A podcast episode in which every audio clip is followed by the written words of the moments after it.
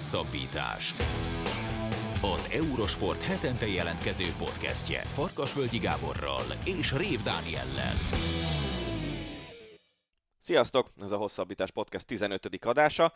Véget ért egyrészt a labdarúgó bajnokok ligája, aminek a döntőjét Dajka Balázsjal, a 24.hu újságírójával beszéltük át, és véget ért a Giro d'Italia is, ezzel kapcsolatban pedig Bodnár Gergővel beszélgettünk, úgyhogy ez a e heti podcastnek a két legfontosabb témája, és a műsor végén természetesen jön majd az Ácsi rovat benne a törvívók drámájával, illetve olyan foci edzőkeringővel, amit azt hiszem, hogy nagyon régen nem láttunk. Jó szórakozást az eheti podcasthez! Labdarúgás Itt van velünk a vonalban Dajka Balázs, a 24.hu újságírója. Szia Balázs! Sziasztok, üdvözlöm a hallgatókat! Manchester City-Chelsea bajnokok ligája döntőt láttunk, ami egyetlen gólt hozott, de talán ennél jobb volt a fogadtatása a meccsnek a futballkörökben, mint amilyen egy sima 1-0 szokott lenni. Neked hogy tetszett a mérkőzés? Jó, abszolút mozgalmas volt, és, és tényleg, amit te is mondtál, hogy ez nem, a, nem az a klasszik 1-0 volt, én izzadságszagú, nem volt a végületekig agyon taktikázva. Mm, nagyon jó kis, főleg az első fél nagyon jó nyílt foci volt. Hát Abszolút tetszett egyébként, és, és meglepett, hogy, hogy Guardiola hozta azt a most már szokásosnak mondható túlgondolkodását, hogy egy jól bevált szisztémát ő a döntőre sútba dobott, és, és ugye gyakorlatilag hat támadó felfogású játékossal védekező középpályás nélkül játszott, amit aztán Chelsea nagyon jól meg is lovagolt, és, és, és egyáltalán nem mondható érdemtelennek a, a győzelmük, még hogyha fordulóirodák előzetesen abszolút Manchester City-t tartották esélyesnek, és ha mondjuk abból indulunk ki, hogy a City ugye 12 ponttal megnyerte a bajnokságot, és ott volt neki 15 meccses veretlenség is, sőt 15 meccses győzelmi, és aztán 19 meccses veretlenség is hozott, akkor, akkor ez egy, ez, egy, ez egy nagy bukta a részükről, de, de mondjuk ez semmit sem von le a Chelsea érdemeiből, mert szerintem hihetetlenül jól menedzselték le ezt a meccset.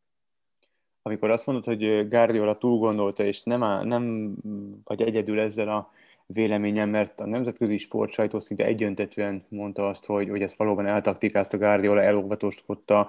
Ez miért lehetséges? Itt most gyors egymás után, hogyha BL döntőt is beleszámítjuk, akkor háromszor kapott ki chelsea a, a City, az előző kettő veresség az valamilyen szinten, vagy az előző két verességből valamilyen szinten következett ez a harmadik, tehát uh, itt, itt valami az előző két összecsapás során a Gáriola valamit észrevett, és, és amiatt változtatott az általad is említett jól bevált formulán, vagy más felé kell keresgélni itt az okok között? Biztos, hogy ez is benne volt egyébként. Hát, ugye a két vereség közül az egyik egy kupa elődöntő volt, a másik egy, egy bajnoki, ami nem azt mondom, hogy teljesen tét nélküli volt, de hát volt akkor előnye a, a Citynek, hogy, hogy igazából az a vereség nem, nem okozott nekik nagy törést.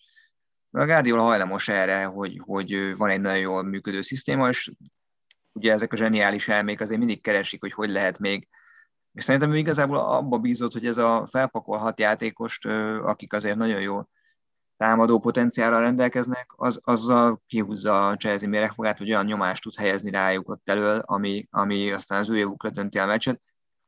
Nagyjából egyébként abban bízhatott, hogy, hogy ezzel sikerül megváltoztatni azt a forgatókönyvet, ami azon a kupa elődöntőn volt, amikor a City támadott, támadott, támadott, de semmit nem tudott kezdeni, és a Chelsea pedig ezt a stabil védekezést hozta, jóval kevesebb helyzete volt akkor, mint, mint most, de végül egy, egy kontrából elment és eldöntött a meccset. Szerintem Guardiola ezt akarta megelőzni, és abból bízott, hogy ezzel a hat játékossal olyan nyomást tud helyezni ott a Chelsea védelmére, hogy hogy az előbb-utóbb összejön, csak ugye azt elfelejtette, hogy így, hogy nem volt labdaszerző játékos a középen, gyakorlatilag Kanté, Zsorzsinyó uralta a középpályát, és az a Gündogan kényszerült most védekező szerepbe, aki egyébként ebben a Guardiola által idénre kitalált szisztémában élete legjobb szezonját futotta, tehát csak a bajnokságban 13 gólja volt, ő volt a házi gólkirály csapatnak, úgyhogy úgy, egy ekte középső középpályásról beszélünk. Tehát egy, egy olyan dolog, Abszolút, szerintem ő bízott, bízott benne, nyilván hát lekottázta, meg biztos, biztos hetekig gyakorolta ezt a csapattal, de más, amikor azért ott egy ellenfél, és más, amikor, amikor az is biztos benne van, hogy azért a City akármennyire nyeregeti a trófákat, egy, egy BL döntő, az mégiscsak egy ilyen, egy ilyen egyszeri alkalom volt nekik, tehát egy olyan esemény, amire hiába játszol egy szezonban 30 tétmeccset, azért mégis ez a meccs, amire készülsz, és, és ez most nagyon görcsössé tette őket. A, a Tuchel pedig mindenre nagyon jól reagált szerintem, és, és tényleg igazából az a gól is nagyon fura volt, tehát ott Havertz olyan helyen, helyen ment be, hogy gyakorlatilag ilyen Blasz négyes meccseken van ilyen, hogy valaki indul a félpályától, és 50 méter van előtte, és Éderson ugye kétségbe sem futott ki gyakorlatilag ilyen söprögetőbe, de hát már esélyese volt. Szóval a kérdés, hogy nagyon el, elmentem az elejétől, de igen, szerintem, szerintem benne volt az, hogy ő nem akart itt, itt zsinórba három vereséget, és hogy próbálta azt az előző kettőből összerakni azt, hogy mi lehet az, amivel, amivel mondjuk egy, egy döntőt tudnak dominálni. Mondtad ezt a helyzetet, hogy a Manchester City azért nem nagyon jutott el ilyen szintig soha korábban. Ez szerinted egyébként számít? Mert hogy ugye a játékosok azért mondjuk ki, hogy jönnek, mennek. A Manchester City elmúlt tíz évét meghatározó játékosok közül a mostani keretben mondjuk négyet, ötöt találunk talán, és és azért rengeteg olyan játékos játszott a, Manchester City-ben, akik ilyen-olyan nagy eseményeken, akár VB döntőn játszottak, BL döntőn játszottak más csapatok színeiben. Ha ez számít szerinted, hogy egy klubnak az identitásában benne van-e az, hogy ő rendszeresen mondjuk bajnokok ligája döntőket játszik, vagy egy ilyen csapatról van szó, ami az elmúlt években futott föl annyira, hogy most eljutott a BL döntőig? Bizonyos szempontból igen, mondjuk nyilván, ha ez egy, ha ez egy Real Madrid döntő van, akkor könnyű, könnyű lenne azt mondani, hogy a, az döntött a Real javára, hogy ők az elmúlt években folyamatosan ott voltak szinte a döntő közelébe. Szerintem én nagyon szeretem a, ezt a sportnak, ezt a mentális oldalát, és mindig, hogyha ilyen profi sportokkal beszélek, mindig ezt a részét próbálom így kivenni, hogy ők hogy reagálnak rá, és vagy hogy állnak egy ilyen meccshez. Szerintem, ha nem is nyomhatta őket, vagy nem, nem is feltétlenül ez döntötte el, de az biztos benne van azért, hogy ugye négy év alatt három bajnoki címet nyer a City, gyakorlatilag nem azt mondom, hogy értéktelen egy bajnoki cím, de ugye mindenki 2016 óta azt várta Guardiolától, hogy majd vele összejön a BL győzelem a Citynek. Tehát én el tudom gondolni, hogy azért, hogy akár a játékosoknak, akár Guardiolának, akár az egész vezetésnek, ez mindig ott van a klubházban, hogy gyerekek, oké, okay, hogy már hat liga kupát nyertünk, és négy év alatt három bajnoki címet, de mi lesz a BL-el? Guardiola ugye, ha jól láttam, egy milliárd font körüli összeget költött játékosokra, mióta megérkezett, ami ilyen felfoghatatlan matek példával sincs ilyen összeg kb. Jó, nyilván azt tudjuk, hogy a BL olyan, hogy elindul 32 csapattal, amiből mondjuk tudunk mondani 8-10-et, amelyik megnyerheti, és egyik se lenne nagy meglepetés. A Citynek ez egy abszolút jó éve volt, és nyilván a sportban persze nincs ilyen, hogy azt mondani, hogy ki az, aki megérdemli, mert mondjuk a Bayern is megérdemelhette volna, de hogyha nézzük az egész éves teljesítményt, akkor a City abszolút megérdemelte, és, és lehet, hogy egyébként itt bejön egy ilyen, ez a döntő faktor, ha nem is, nem is hatalmas uh, súlya, de, de biztos, hogy benne van azért, hogy ez, ez tényleg egy olyan lehet, és végre ott vagyunk, azért ez persze tud adni egy ilyen felszabadult pluszérzés is, de azt is el tudom képzelni, hogy ugye Guardiola annyira egy ilyen maximalista apali, hogy így, hogy szugerál játékosnak, hogy ezt nekünk meg kell nyerni, ezt nekünk, mert már csak ez hiányzik, ami persze tud adni egy kis terhet is azokra a vállakra, amik egyébként most nyilván egy De Bruyne játszott már millió fontos meccset, bár ugye BL döntője még neki se volt. És egyébként ez egy tök érdekes párhuzam, hogy a Chelsea-nél pedig bejött az, hogy belenyúltak abba, ugyanabba gyakorlatilag, ugyanabba a folyóba beléptek, mint 2012-ben, hogy évközben egy váltás, akkor ugye Viás Bajás, Bajását jött Di Matteo, és ugye úgy meg lett a kupadöntő, és a BL, akkor meg is nyerték mind a kettőt, most ugye a kupadöntőt elvesztették, de, de most is nagyon bejött nekik ez a váltás, és persze ezek nyilván ezek csak ilyen utólagos érdekes statisztikák, de hogy, hogy náluk meg valahogy teljesen jól működött ez a kémia, és ugye most a Twitteren azon rögnek, hogy, hogy Tuhel 124 nap alatt megnyerte a, a BL serleget, amíg Guardiolának most már 2016 óta nem sikerült. Ha már említetted Tuhelt, és az, hogy idén közben vette át Lőv Zsoltal, ugye a Chelsea irányítását. Mit jelentett az ő személye ebben a, mekkora szerepet játszik az ő személye ebben a váltásban, illetve a, a BL győzelemet? Tehát mit hozott a, a német szakember, illetve a stábja a Chelseahez? Szerintem egyfajta tudatosságot, meg ugye Lampardot nagyon támad, nagyon, hogy mondjam, támadási feltet adott maga ellen azzal, hogy, hogy 200 millió euró körül igazolt ugye Chelsea, hát ugye Havertz is most érkezett, Zies, egy rakás játékos érkezett. ezt nyilván ő nem azért igazolta, hogy aztán ezt az óra dörgöljék folyamatosan, ő neki megvoltak azok a játékosok, fel voltak írva azok a kvázi hiányposztok, ahol ő szeretett volna igazolni, ezek sikerültek is, de vagy lámpárda nem működött, és, és amit Tuhel eltalált, hogy, hogy hihetetlen jó rendszerbe rakta ezt a csapatot, és, és de ezt láttuk azért a magyar válogatottnál is szoktuk látni, a kicsit így lehet erről ezt ilyen fura összehasonlítás, hogy, hogy azért mindig, mindig az számít egy csapatnál, hogy az adott keretet keretnek megtalálod a megfelelő játékstílus, amiben legtöbb, legjobban tudsz érvényesülni. Uh-huh. És, és Tuhál most nagyon jól belenyúlt ebbe, például ezen a döntőn is látszott, azzal, ahogy felrakta a csapatát, azzal, ahogy mondjuk felépítette tavasszal mondjuk azt a Rüdigert, aki mondjuk Lampardnál nem volt feltétlenül egy kulcsfontosságú játékos, vagy mondjuk az a Reece James, akit most már sokan Angliában azt mondanák, hogy inkább ő legyen a kezdő jobb hátvéd az eb és ne Alexander Arnold, aki a Liverpoolban most nem játszott olyan jó szezont, mint a tavalyi bajnok évben.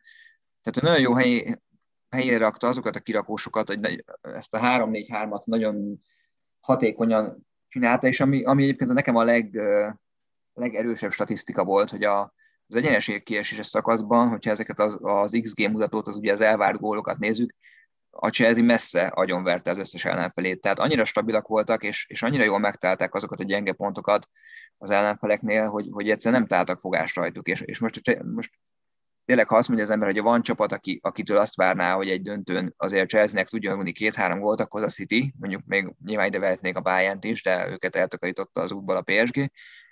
De azon a egy Sterling helyzeten kívül, meg a végén az a, az a kétségbeesett Márez lövés a 90 plusz 6. percben, és aztán slussz, ennyi. És, és hogyha mondjuk Werner kicsit higgadtabb, akkor már az első félidőben eldönti a Chelsea 3-0-val, és akkor, akkor mindenki azt mondja, hogy, hogy hello, hol volt Guardiola, amit találták ki, tehát hogy még, még cikibb is lehetett volna nekik. Szóval szerintem e, az biztos, hogy, hogy ugye ő is, ő is ezt a Klopp vonalat viszi tovább, Tuchel sok szempontból ráhasonlít, ugye Mainz, Dortmund, uh-huh. és ugyanazt a, azt a gyakorlatilag a letámadásra épülő, de egy sokkal még feszesebb védekezéssel párosuló mm, játékot vagy stílust viszi tovább, és, és szerintem ez nagyon jól megtalálta az embereket, illetve azokat az embereket, akiket mondjuk Lampard nem használt, vagy nem úgy használt, azokat, azokat nagyon jól visszaépítette, és mondjuk még az is az ő malmára hajtotta a vizet, hogy ugye mindig Mocsai Lajosnak voltak ezek a nagy nyilatkozatai, hogy, a, hogy a, a, az edzői megérzések mennyit szerepel, mennyit számítanak egy-egy meccsen, és, és most Tuhel is elmondhatná, mint, mint Mocsai mester, hogy na, megérezte, hogy egyébként nem azt az IS kell berakni a, a támadósorba, aki a előző két City meccsen volt lőtt, és, és nagyon jól bemozgott a, a, az üres területeken, hanem berakta azt a Havertzet, aki, aki ugye mikor lője pályafutása első BL gólját, hanem egy döntőben. Tehát, hogy ezek az ilyen apró momentumok összeadódva nagyon jól összerakták a Chelsea-t a döntőre. Nagyon érdekes szerintem ebben az egész történetben az, amiről sokszor beszélgetünk, hogy az a nemzetközi edzőkeringő, ami ugye most is ilyen egész brutális módon beindult itt a, a szezon végén, hogy az olasz bajnok csapat ö, edzőjét elküldték, a, a Juventus edzőjét elküldik, ö, úgy tűnik, hogy a Realnál is edzőváltás, tehát hogy a, a nagy csapatoknál nagyon rövid PSG. időt kap PSG, igen, nagyon rövid időt kapnak az edzők. És hogy Thomas Tuchel ugye az előző szezon végén még a PSG-vel augusztusban bajnokok ligája döntőt játszott, viszonylag jól ment a csapatnak ősszel is, megnyerte a csoportját a BL-ben, és aztán karácsonyi ajándékként kapott egy úgy, hogy 20, december 23-án azt hiszem legyőzték 4 0 az egyik francia ellenfelüket a bajnokságban, és 24-én kirúgják az embert, teljes edzői stábostul, és egy hónappal később már Londonban a szintén korábban ilyen messiásként várt Frank Lampard helyét veszi át, és egy fél év alatt viszi sikerre ezt a csapatot. Szóval annyira furcsa nekem ez az egész szituáció, hogy, hogy van mondjuk, ha 15 top csapatot veszünk, akkor van rá 20 edző, és körbe-körbe járkálnak a csapatok között, és, és kicsit olyan érzése van az embernek, mint hogyha egy ilyen random generátorba bedobálnák a, a csapatneveket, meg az edzőket, és hogy melyik kombináció fog a végén jól kijönni. Mi a véleményed erről, hogy, hogy itt azért fél év alatt nyilván nem Tuchel egyedül oldotta meg a Chelsea összes problémáját? Nem, nem, biztos egyébként, hogy, hogy Lampardnak is megvan a szerepe, bár, bár ugye akkor 9. helyen állt a, a csapat a bajnokságban, és, és azt hiszem, hogy az, amiatt kirúgták, akkor volt egy ilyen 8 meccsből 5 elvesztettek, tehát egy elég, elég rossz szériába került csapat.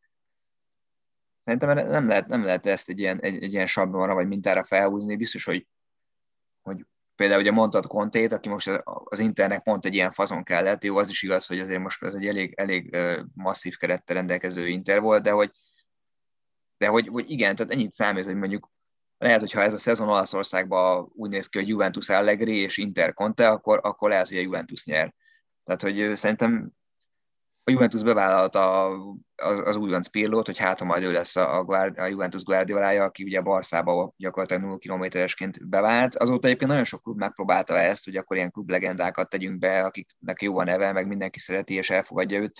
Aztán sokan meg is égtek, ennek a Milán volt az egyik, egyik zászlósavja, aki ugye Zédor, Pinzági, stb. Szóval igazából nem tudom, nem, nem lehet ezt, ezt szerintem így, így lekottázni. Az egyébként nagyon érdekes, amit te mondtál, hogy tényleg gyakorlatilag ugyanazokat a neveket látjuk forogni, és akkor még ott, tehát nem nagyon, nem nagyon húznak elő olyan neveket, akiket, akiket mondjuk évekig elfelejtettek, bár egyébként pont Olaszországban most Spalletti két év után kapott kispadot, de ugye ott is gyakorlatilag, ha megürül egy csapat, akkor egyből most Mauricio Szári nevét dobják be, illetve Simone Inzaghi-t, aki gyorsan oda is ment az Interhez. Tehát, hogy, hogy igen, egy ilyen, egy ilyen nagy, nagy körforgás az egész, bár most viccesen eszembe jutott, hogy hogy a Csertői Aurélia mondta egyszer, hogy hát a Barcelonát egy magyar edző is el tudná vinni, tehát ugye tök jó lenne, hogyha lenné, nem csak Lőv Zsolt lenne az egy, egyetlen magyar ebbe a körforgásban nem lennének, de igen, tehát lehet tudni, hogyha mondjuk egy Bundesliga kispad megörül, akkor egyből Julian Nagelsmann fogja, fogják tárcsázni, mint ahogy most a Bayern le is csapott rá. De, de megnéznék egyébként egy olyan szezont, tényleg, ahogy te mondtál, hogy így beütnék a gépbe, hogy akkor sorsolja ki, hogy melyik csapathoz melyik edző, és mondjuk visszaszimulálni onnantól, hogy akkor ősszel már üljön Tuhel a, a Chelsea kispadján, és, és mondjuk még egy-két csapatot így megvariálni, mi jön neki belőle. És, és egyébként az meg, az meg szerintem nem egy jó irány, bár, bár nyilván ez a mai világhoz, ahol mindig minden azonnal kell, és mindent azonnal tudni akarnak az emberek, és, és nem tudom már a, a, ugye egy gombnyomásra a házhoz rendeled a, a, a kajától kezdve mindent. Hát valahogy benne van az, hogy kiveszett sajnos az a fajta romantika, mint például a, a hogy egy Ferguson 25 éven keresztül lehetett edző, vagy egy, vagy egy, egy Wenger, aki tényleg volt nem egy, nem két trófea nélküli szezonja, vagy mondjuk csak idézőjelbe egy FA kupa, és nem mondták azt neki, hogy jó, akkor, akkor váltunk, hanem, hanem rábízták magukat. Egyébként most pont most olvastam a, az Idán levelét, aki meg pont ezt nehezményezi, hogy, hogy nem érezte a Real Madridnál azt, hogy ő ilyen akár középtávon is bizalm, bizalmat kapott volna, pedig hát ha valaki, akkor ő aztán tényleg hozta az eredményeket, még hogyha most a bajnoki hajrá nem is úgy sikerült. Szóval ez egy ilyen fura tendencia, kicsit, kicsit azt érzem, hogy, hogy mindenki ugye pont amit egy 5 perc ezelőtt mondtam, hogy, hogy egy BL szezon elején tudjuk, hogy nagyjából 31 csapat megy a levesbe, és egy megnyeri, de mondjuk abból a 32 csapatból tényleg van 10, amelyik közül bármelyik megnyerheti, és akkor most akkor ez egy jó hatatlanul, ott van a guillotine minden a nyakán, hogyha te nem nyered meg, tehát hogy Ugye a PSG is most váltott Pochettinóra, és, és négy év után elvesztették a bajnokságot a Lille szembe, tehát nem kíváncsi lennék, hogy most ugye a PSG Katari vezetése hogy nézte ezt a BL döntőt, amikor Tuchel ott emelgette két kézzel a trófeát, hogy most akkor milyen érzések voltak az ő fejükben, tök, tök szívesen megkérdezném őket. Igen, meg nem tud kialakulni, bocsánat, nem tud kialakulni egyrészt egy ilyen egy olyan stílus, amire azt mondod, hogy mondjuk a, a Barca stílus, amit Guardiola nyilván a nagy elődökkel a háta mögött megcsinált Barcelonában. Ha, ha minden edző csak egy-két szezonra van hitelesítve a csapatainál, akkor a, a klubkötődés a szurkolók részéről az edző irányába se nagyon tud kialakulni, meg nem tud egy olyan játékstílus kialakulni, ami mondjuk utána akár tíz évre meghatározza a foci világát. Igen, már, bár ugye ezért a Barca nagyjából többé-kevésbé megtartotta azt a fajta identitását, bár Luis Enrique azért próbált rajta sokat változtatni, meg, meg néhány csapatnál, Lásd Liverpool, ugye, ahol Kloppa mindenhol alkalmazott gegenpressinget, nyomatta ezerrel, tehát azért megvannak ezek, de igen, szerintem, szerintem ez a szurkolói szemben se jó, mert nyilván azt várnád, hogy persze az ember nem edzői nevekbe és nem ö, játékos nevekbe szeret bele, amikor egy klubhoz szükséges, de, de igen, szóval ez, ez az irány szerintem szerintem nem, egyáltalán nem pozitív irány.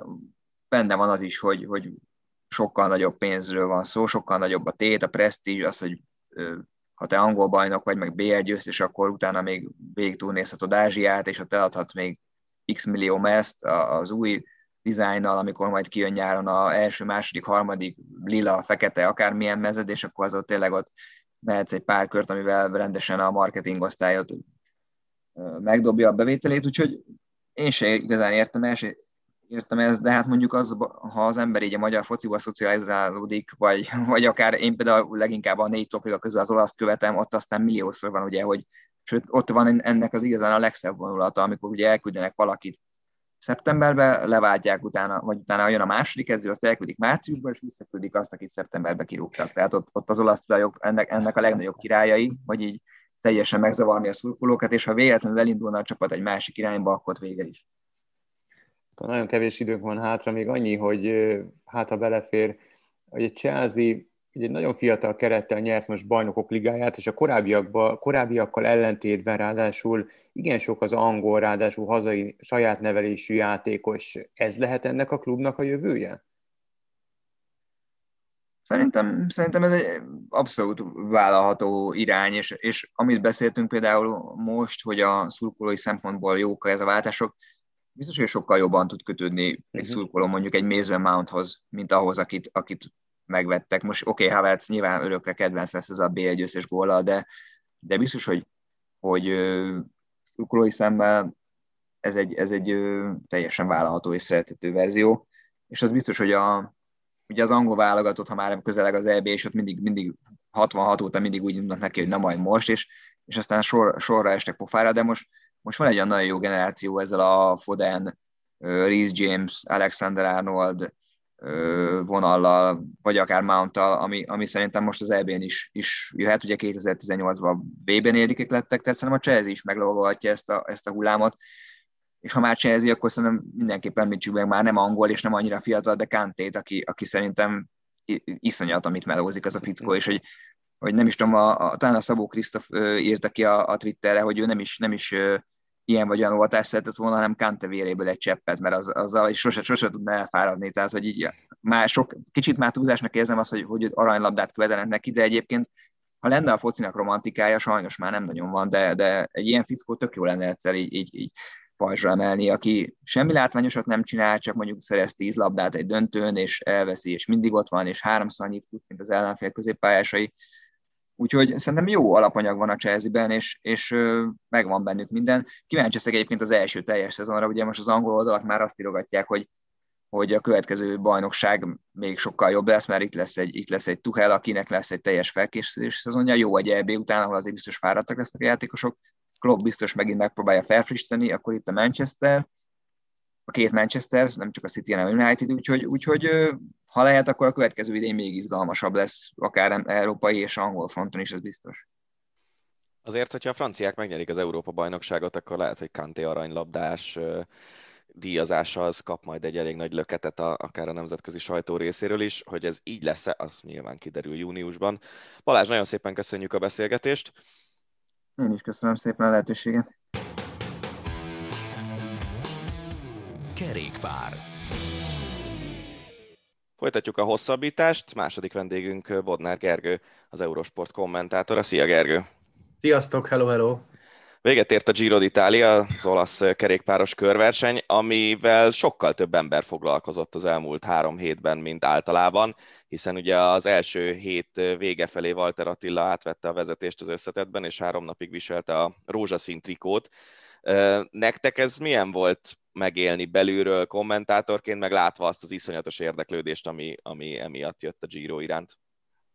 Hát olyan szinten extra volt egyébként, hogy megéltük azt, mint szerintem más csatornán, tudod, amikor bevezetésre került idézélesen az NFL, és nagyon sokan kérdezték, hogy ezt mit, hogyan, meg nem tudják, hogy mit kell nézni, nem tudják, hogy mit kell figyelni. Nyilván ezt kommentátor szempontból marha nehéz úgy közvetíteni, hogy van egy törzsgárda, aztán megjelennek olyanok, akik Walter Attila miatt kapcsolnak oda. Hát megpróbáltuk megtalálni az arany középutat, most nyilván nem tudsz mindent megmagyarázni, nem tudod minden egyes mondatodat megmagyarázni. Hát mi is nem tudom, 15-ször per közvetítést találkoztunk azzal a kérdéssel, hogy ha most nála van a fehér, akkor miért a rózsaszínben van, melyik trikót viseli, mit jelent az, hogy külön idő, miért nem hajráznak a végén, miért jó, ha csak egy csoportba jönnek meg. Mikortól kapsz külön időt, ha megszakad a sor és társai, szóval igen, érezhető volt egyébként az, hogy, hogy nagyon sokan jöttek Ati miatt, ami nyilván tök jó dolog. Az lenne a lényeg, hogy maradjanak és megragadjanak, szerintem. A, ha már így a, a megragadásról beszélünk, és az idén hátralévő részéről várható még hasonló m- magyar sikersorozat? Akár, akár nagy körül, még, az, még a Vuelta van ugye hátra, a, a nagyobb meg, a, meg, a, meg a Tour de France, hogy ezeken várható bármi? Ami hát így szerintem, meg... szerintem Ati kapcsán az olimpia, mert ugye ott a mezőnyverseny, ami egy egynapos, ő indul, egy, nem kizárt, hogyha jó napja van, ott megy egy nagyot, ha egy picit jobban kiterjesztjük, ugye van nekünk egy nagyon jó női versenyzőnk, Vas Blanka, ő is mehet egy nagyot egyébként az olimpián, uh-huh. és nem tudni egyébként még, hogy a többiek hol, ugye ezen a héten a Peák Barna a Dauphiné verseny, az ami a túrnak a felkészülési versenye. Szerintem még, szerintem még Atti sem tudja azt, hogy mondjuk Magyar Bajnokság és Olimpia után hol fog indulni az idény második felébe. Tőlünk is csomóan kérdezték, hogy Vuelta, Szerintem ő most azt válaszolna erre a kérdésre, hogy fogalma sincs és pihenés. Úgyhogy egyébként simán Blankától, vagy, vagy Walter Attilától az olimpián nem, nem irreális. Nem tudom, hogy az mit jelent, nyilván nem kell ilyenre gondolni egyből, hogy, hogy, hogy dobogó, vagy top 5, vagy top 10. Egy mm. verseny az vagy kiadja, vagy nem, arra, arra nehéz tippelni. Igen, és azért nagyon helyén kéne kezelni szerintem ezt a dolgot. Hát az, hogy három napig rózsaszín trikóban volt az Ati, és aztán 14 lett összetetben, ami ugye ilyen sehonnan, de három évvel ezelőtt teljesen elképzelhetetlen dolog volt, hogy valaki magyarként idáig eljut. Az nem jelenti azt, hogy innentől kezdve majd minden magyar minden versenyen hozni fogja a top 10-eket és ilyenek. Egy 22 éves versenyzőt azt ritkán visznek el egy évben két-három hetesre, úgyhogy szerintem a Vuelta az ebből a szempontból nem annyira fog játszani Atinál. Szerintem se, szerintem se. Igen, amit mondasz egyébként, ez a magyaros lelkesedés, nem is tudom, hogy adásban vagy privátban mondtam el Antinak, akivel csináltuk, hogy nagyon megfigyelhető itt is az, Nyilván néző és néző, meg szurkoló és szurkoló között is van különbség. Nagyon sokan tudják reálisan látni, nagyon sokan nem a helyzetet. Gondoljatok bele, amikor tizen évig nem látott magyar foci csapat bajnokok ligája csoportkört, akkor nem elég az, hogy bejutunk, akkor már számolgatunk, hogy 4 pont, 5 pont, ha azt uh-huh. idegenbe, akkor tovább, érted? Tehát, hogy nem tudjuk helyén kezelni, lehetne ott 6 meccs, 6 vereség, és annak is örülni kéne, hogy legalább csoportkör. Ugyanez a magyar válogatott, nem tudom, egy elbén, ott is egyből megy a számolgatás, hogy ezt verni kell, és ha nem verjük, akkor az csalódás. Annyival kapcsolatban is ugyanígy kell, ugyanígy kell szerintem megítélni az ő jövőbeli versenyeit, hogy 22 éves a srác, hiába nyilatkozik marha intelligensen, nem 32, hanem 22, biztos, hogy lesznek hullámhegyei, hullámvölgyei, innentől kezdve, és mondjuk ez a következő év szempontjából lesz necces, hogy megszoktad azt, vagy nem megszoktad, megélted azt, hogy Walter három nap és top 15. Ebből nem biztos, hogy a jövő évben jön az, hogy Walter hat nap és top 10. Mert hogy év meg verseny marha más. Most beszélünk itt a szurkolókról, hogy mennyire nehezen élik meg ők, illetve mennyire esnek, vagy bizonyos esetekben esnek át a ló túloldalára. Kommentátorként milyen ezt megélni, amikor a szeretett sportágatban egy, egy fiatal magyar gyerek kvázi a semmiből jön elő, és visz véghez olyat, amit korábban senki, és egyszerre ott ülsz a mikrofon túloldalán, és nyilván ott szembesülsz te is ezzel az egésszel, és aztán három napig, hát én emlékszem, bementem a stúdióba, nyilván teljesen más közvetíteni, rózsaszínbe öltözött az egész stúdió, erről szólt minden nálunk is. Tehát ezt, ezt, ezt nektek milyen érzés megjelenni? Ti hogy tudjátok magatokat kordába tartani, hogy, hogy ne esetek ugyanúgy át a, a ló túlsó oldalára? Hát figyelj, erre igazából butaságot tudok válaszolni, vagy, vagy, vagy hatalmas közhelyet, mert ugye ilyen még soha nem volt. Ilyen még soha nem volt. Nehéz volt ültöztetni magatokat? Szerintem nem, mert, mert tudod, keveredett a csodálkozás, meg, a, meg, ez, a, meg ez a hihetetlen faktor egyébként a, a, a realizmussal, mert számolás alapján, és az a vicc, hogy én ezt Atival előző este beszéltem, nyilván ilyet nem mondasz beadásba, hogy Ati is azt mondta, hogy a rózsaszín nem irreális, mert ezt nem mond teljesen egyértelmű, nekem írta ezt privátban, nem is olvastam be meg Marci is mondta, hogy beszélték Dina Marci Atival, hogy simán rá lehet menni. Ezt nem olvasod be. Aha. Amikor, amikor tényleg megvalósul az, hogy rózsaszín trikó és Walter megcsinálja, ki is számolod, de kiírnak egy rossz dolgot a képen, és ugye utólag megtudtuk Atitól, hogy a Frances de se tudták, amikor betekert, tehát a saját segítője kérdezett vissza, hogy ember, miről beszélsz, Evenepulé. Sőt, Aha. kézen fogták, hogy dobogó, mert tiéd a rózsaszín trikó. Ati mondta, hogy egy kilométeres kapunál ő tudta, hogy nem fog annyit kapni, hogy ne legyen meg. De amikor beérsz, gondolj bele, beérsz, Kemény. nem tudom milyen pulzussal, de betekersz, óriási őrület van, majd a saját segítőd ránéz, hogy ember, még nincs meg. Vagy miről beszélsz, milyen rózsaszín trikó, akkor elbizonytalanodsz te is. Uh-huh. Én nem tudom, most ezen elkezdhetünk, vagy idézőjelesen mondom vitatkozni, hogy hogy kell egy ilyet leközvetíteni, mert tényleg, ha, ha otthon ülsz, akkor ezt ki lehetett számolni, hogy megvan. Uh-huh. De nagyon sokáig nem láttuk Atit egyébként, ha emlékeztek rá, az utolsó pár száz méteren megjött Igen. szakaszon, amikor átvette, mert takarásban, takarásban jött és bújkált. Tehát szerintem ezt, ezt nagyon, nehéz, nagyon nehéz jól leközvetíteni, azt nem nekem kell megítélni, hogy milyen volt egyébként, mármint maga a közvetítés, erre nem lehet felkészülni, Persze. illetve a, a nézőknek, meg a hallgatóknak mondom, ez, is hatalmas közhely, de otthon, ha te egyedül ülsz, a tévé előtt tökre más látsz, mint mi bent. És néha mi hiába vagyunk hárman, te előbb látsz otthon valamit a tévében, mint mi. Tudom, ez hülyén hangzik, meg lehetetlennek, hogy ott van három ember, és a tévét bámulja, nem mindig. Úgyhogy, úgyhogy igazából nehéz. Meg tudod, úgy sodrottál az árral. Három nap rózsaszínben, próbáltunk minden infót összegyűjteni, próbáltunk mindent kivágni adásból, azt kellett intézni menet közben, hogy az eurosport.hu-ra kikerüljenek a dolgok, tehát volt egy csomó háttérmunka a többiektől is. Nyilván, hogy valamennyit ráírj Attira, hogy legyen exkluzív infót, de mégse, mégse zavar nagyon sokat, mert elmondta utólag, hogy nyilván nem tudott pihenni. Úgyhogy, úgyhogy érdekes volt, érdekes volt. Nekem is így nem tudom, második, harmadik nap esett le igazából, hogy azt az ember rózsaszínben van. Meg szerintem neki. Igen, ez egy érdekes helyzet, hogy ugye iszonyatos média kötelezettséggel jár a rózsaszín trikós számára az, hogy ő vezeti az összetettet. Hát ezt szokták mondani, hogy ő mondjuk lehet, hogy egy-másfél, akár két órával később ér vissza a szállodába, mint a csapattársai. És, és akkor megtalálni ezt az egyensúlyt, hogy, hogy zaklasd, ne zaklasd, úgyis kap tízezer üzenetet a közösségi média világában, Instagramon, Facebookon, Ati ráadásul olyan, hogy azért ő este nyomkodja a telefonját, és megnézi, hogy, hogy miket írnak róla. Szóval eh, én például talán a, amikor a fehér trikót átvette, akkor döntöttem úgy, hogy nem is fogok neki írni egy darab üzenetet sem, mert, mert tudtam, hogy itt őrültek háza lesz.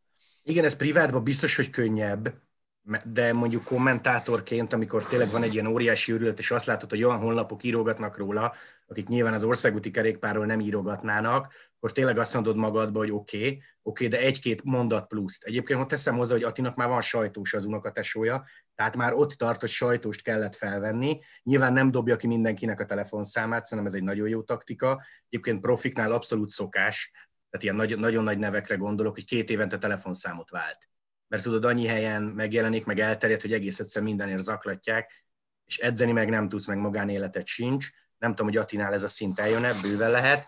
Egyébként nagyon aranyos volt, nagyon aranyos volt ez ilyen kis belső info. Talán a második rózsaszín naptól és hatalmas őrület itthon, Puskás stadion, vagy Puskás aréna rózsaszínben, stb. És akkor rám írt magától, hogy hogy nem, fele, nem felejtettem el, majd ha lesz időnk egy podcastra, tudod, és ez tök jól esett, hogy hm. nem kérdeztem rá, hanem ő írt magától. Tehát nyilván Attival most mi, mi tök jóba vagyunk, nagyon régóta írunk, stb. stb. De még erre is volt ideje, gondolom, 3575 üzenet közben, hogy még egy ilyet dobjon. Úgyhogy aranyos volt. Egyébként meg amikor lecsengett a három nap rózsaszín, akkor már én is éreztem, hogy esténként sokkal többet írt. Sokkal többet írt, sokkal több ideje volt. Tehát tényleg ez a három nap szerintem nagyon elrohant neki, meg nagyon húzós volt az idei Giro így belülről, hogyha ha azért ti is három nap után túltetétek magatokat valamilyen szinten, ha egyáltalán túltetétek Walter Attila sikerén, ha ezt nem számítjuk, nehéz ezt nem számítani, akkor mitől marad még emlékezetes? Mi volt az, ami, ami miatt kiemelkedik még az idei Giro? Hát alapból a két magyar, ezt három-négy éve mondott, hogy két magyart nézel helikopterképből és vadászod a rajtszámukat, uh-huh.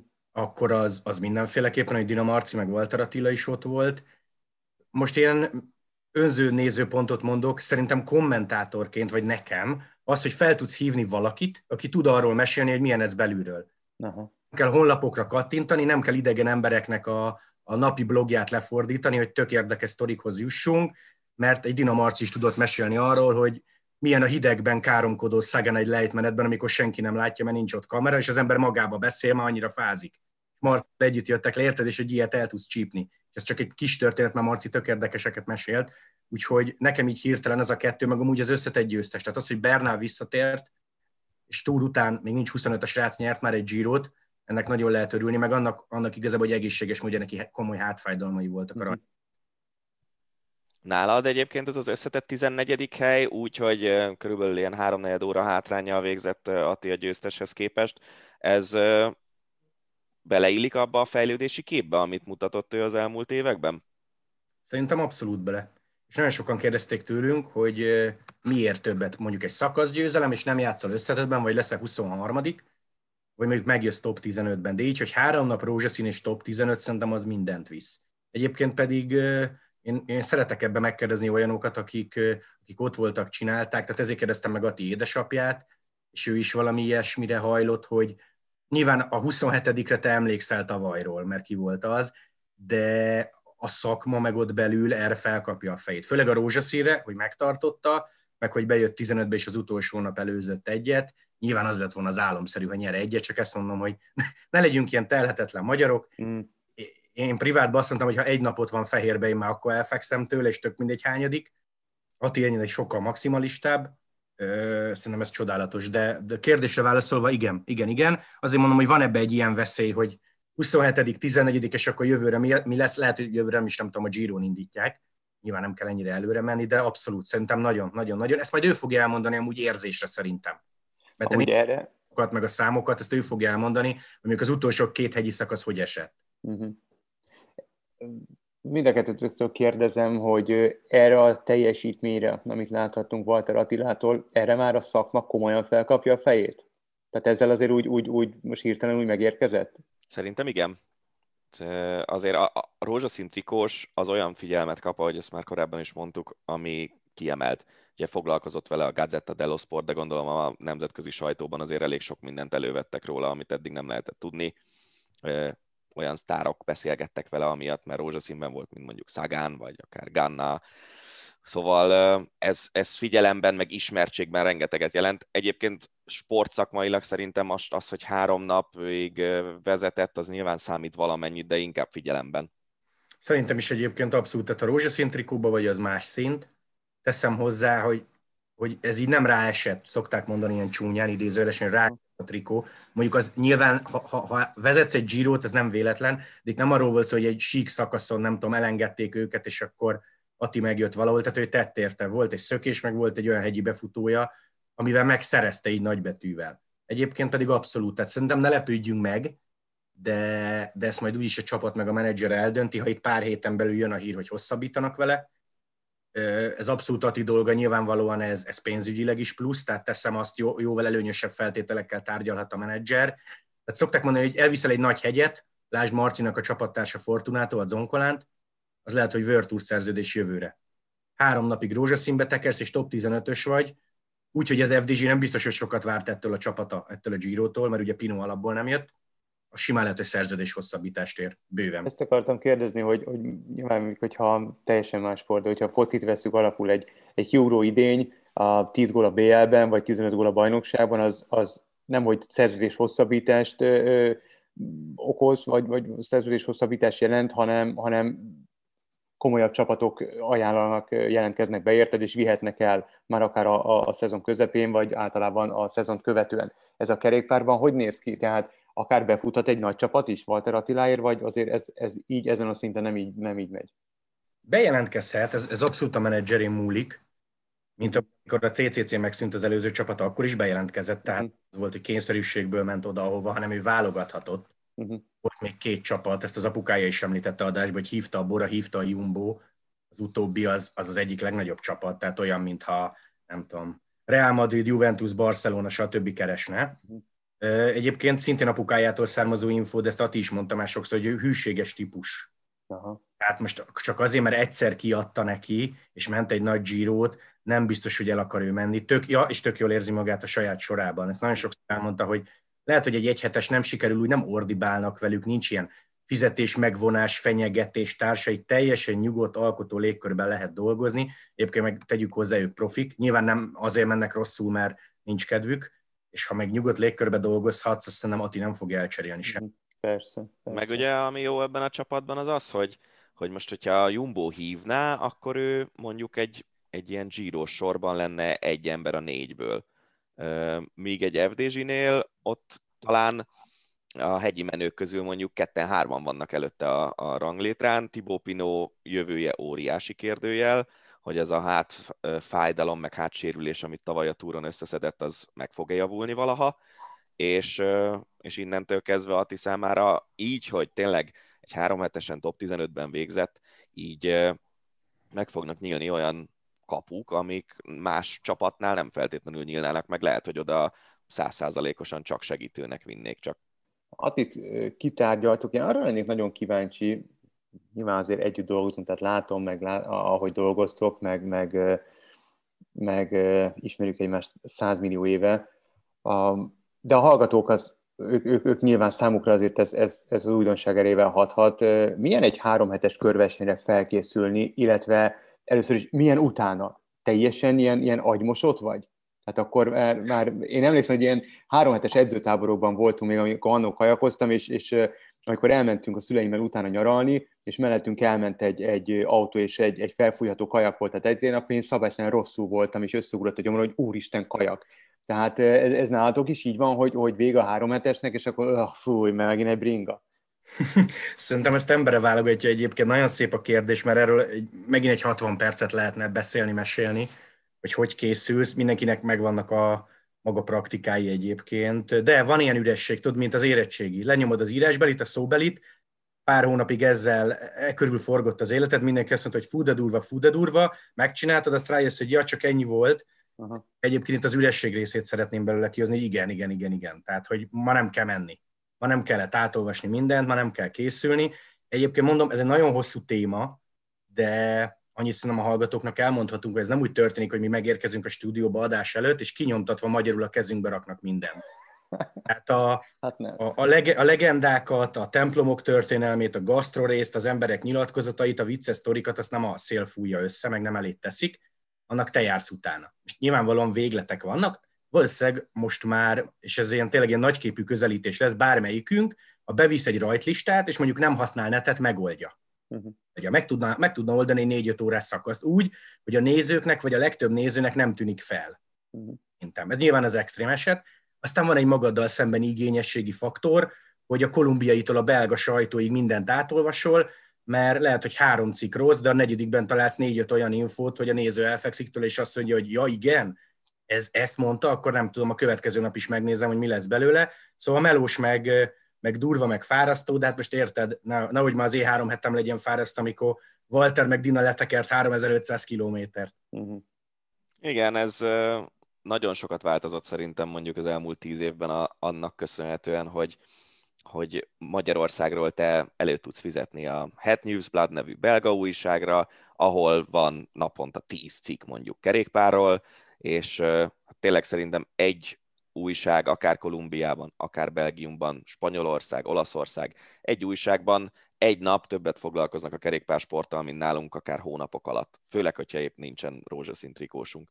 Úgyhogy ezeket nyilván el kell olvasni, meg az a jó, hogy mindegyikünknek megvannak a maguk, magunk érdeklődési körei, és mondjuk ha Gergővel közvetítek, akkor tudom, hogy ő az összes kis falunak a helyi ételspecialitását azt el fogja mondani. Ha Lantival közvetítek, akkor tudom, hogy az összes kis falunak a helyi legendáit el fogja mondani, és akkor ez lehet alkalmazkodni, és, uh-huh. és ki lehet színesíteni ezt az egészet. És szerintem az a legnehezebb a kerékpáros közvetítésekben, hogy megtaláljuk azt az egyensúlyt, hogy sportszakmai is legyen, meg azokat az embereket is kiszolgáljuk, akik tényleg csak a táj, meg a kulturális érdekességek miatt ülnek le tévét nézni.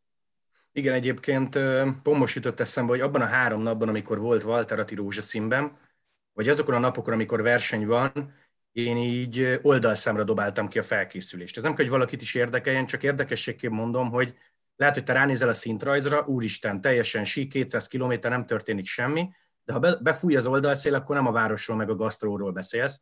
Szerintem én magamhoz képest most nagyon keveset olaszoztam, környékeztem, meg kajáztam, de egész egyszerűen ez ilyen. Tehát ez egy ilyen szakma, hogyha verseny van, nem beszélsz róla, és az kuka. E, e, lehet, hogy három-négy-öt oldalt írtál ki, vagy súlyos órákat fordítottál, hogy na majd ezt a unalmas sík szakasz színesítjük ilyen meg olyan legendával, kuka. Tényleg, én nem meséltem el. Még egyszer mondom, ez nem kell, hogy valakit is érdekeljen, de ugye az a jó a mi szakmánkban, hogy lehet, hogy három év múlva ugyanerre jön a Giro, és akkor előkapom, a legenda, a templom története, meg a helyi kaja az úgyse változik. Elhasználható sokszor, ez csak úgy érdekességként mondom, hogy erre nem tudsz készülni, meg, meg lehet, hogy tényleg azt mondod, hogy na itt most egy órát fogunk röhögni ezen, de nem fér bele, mert a versenyszitu máshogy hozta, és Dani nagyon jól mondta, szerintem ez ilyen lehetetlen küldetés, hogy mesélj a tájról, valakinek plegykák kellenek, valakinek kerékpáros technika kell, hogy milyen áttétellel, milyen guminyomással, valaki a váról akar hallani, a harmadik, nem tudom, Walter Attila általános iskolai osztályfőnökét szeretné, mindenkinek lehetetlen megfelelni, mert ha technikázol, akkor ez ír egy üzenetet, hogyha tájról mesélsz, ez ír egy üzenetet, közben pedig nem tudom, hogyha Walter Tibi hallgatja Ati édesapja az adást, akkor neki is kéne újat mondani, szóval ez nyilván a lehetetlen küldetés, de, de, de tényleg próbáljuk megtalálni az arany középutat, mindenkinek mondom, hogy nem egyszerű. Mondjuk azért lehet, hogy Tibi nem sértődik meg, hogyha ő neki nem tudsz újat mondani kerékpárban. Persze van egy réteg, nyilvánvalóan ugyanez a kategória, hogyha a Peák Barna leül, akkor nehogy már tőlem halljon újat az egynaposokról, persze, tehát van egy réteg, aki, aki, akinek nem tudunk, de azt nem szabad elfelejteni, és ez főleg a mostani Giro igaz, hogy nagyon sokan néznek úgy kerékpárt, hogy nincs ott a kezükbe a Twitter, nincs ott a kezükbe a Pro Cycling Stats, hogy számolgassanak, és mondjuk hiába ismerette az adott olasz várost, és tudod, hogy egyből beugrik róla egy foci csapat, valakinek nem. Tehát, hogy azt nem szabad elfelejteni, hogy nagyon sok olyan embernek közvetítünk, akinek nem az alap, ami neked. És akkor így mondjál érdekeset mondjuk 5-6 órán keresztül. Igen, ez egy nagyon érdekes szakma. Hát folytatjuk majd a Tour de France közvetítésekben, ahol szintén 5-6 órás adások lesznek. Ugye a Giro az most először ment úgy, hogy a szakaszok az elejétől a végéig közvetítve voltak. A Touron ez már jó pár éve van. Igen, és teszem hozzá, hogy ilyenkor a hosszú szakaszokon nagyon jó vendéget hívni, és szerintem mi ezt most nagyon eltaláltuk. Nem sorolok fel mindenkit, mert tudja, hogy ki fogok hagyni valakit, de Ati volt csapattársa, édesapja, volt magyar sportigazgatója, edzője, volt technika, volt Seregé Mártának köszönhetően női nézőpont, korábbi női Giro induló.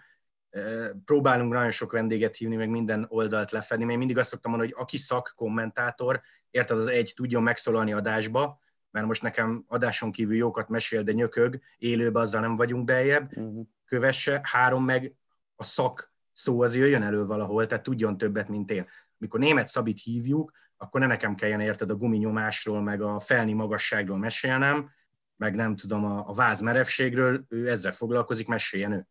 Persze. Gergő, köszönjük szépen a beszélgetést. Én köszönöm is. a lehetőséget, sziasztok! Ácsi. A hét legérdekesebb hírei.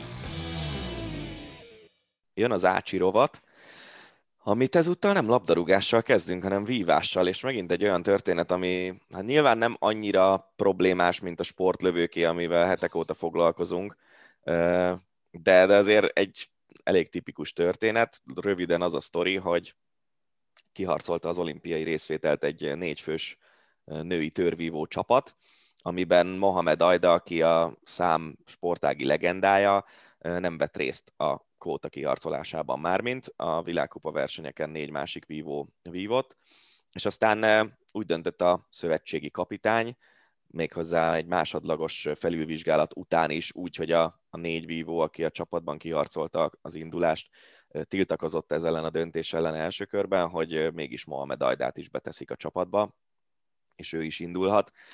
Hát ez egy elég érdekes sztori. Hát és... Ő indulhat, és tartalék lesz majd Lupovics Dóra.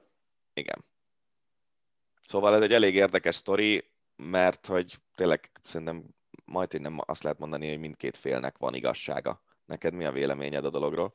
Hát anélkül, hogy benne lennék a vívásban, nyilván nem vagyok benne a vívásban. Árapukám nagyon jó vívó volt annak idején a Honvédban, ez csak úgy széljegyzett.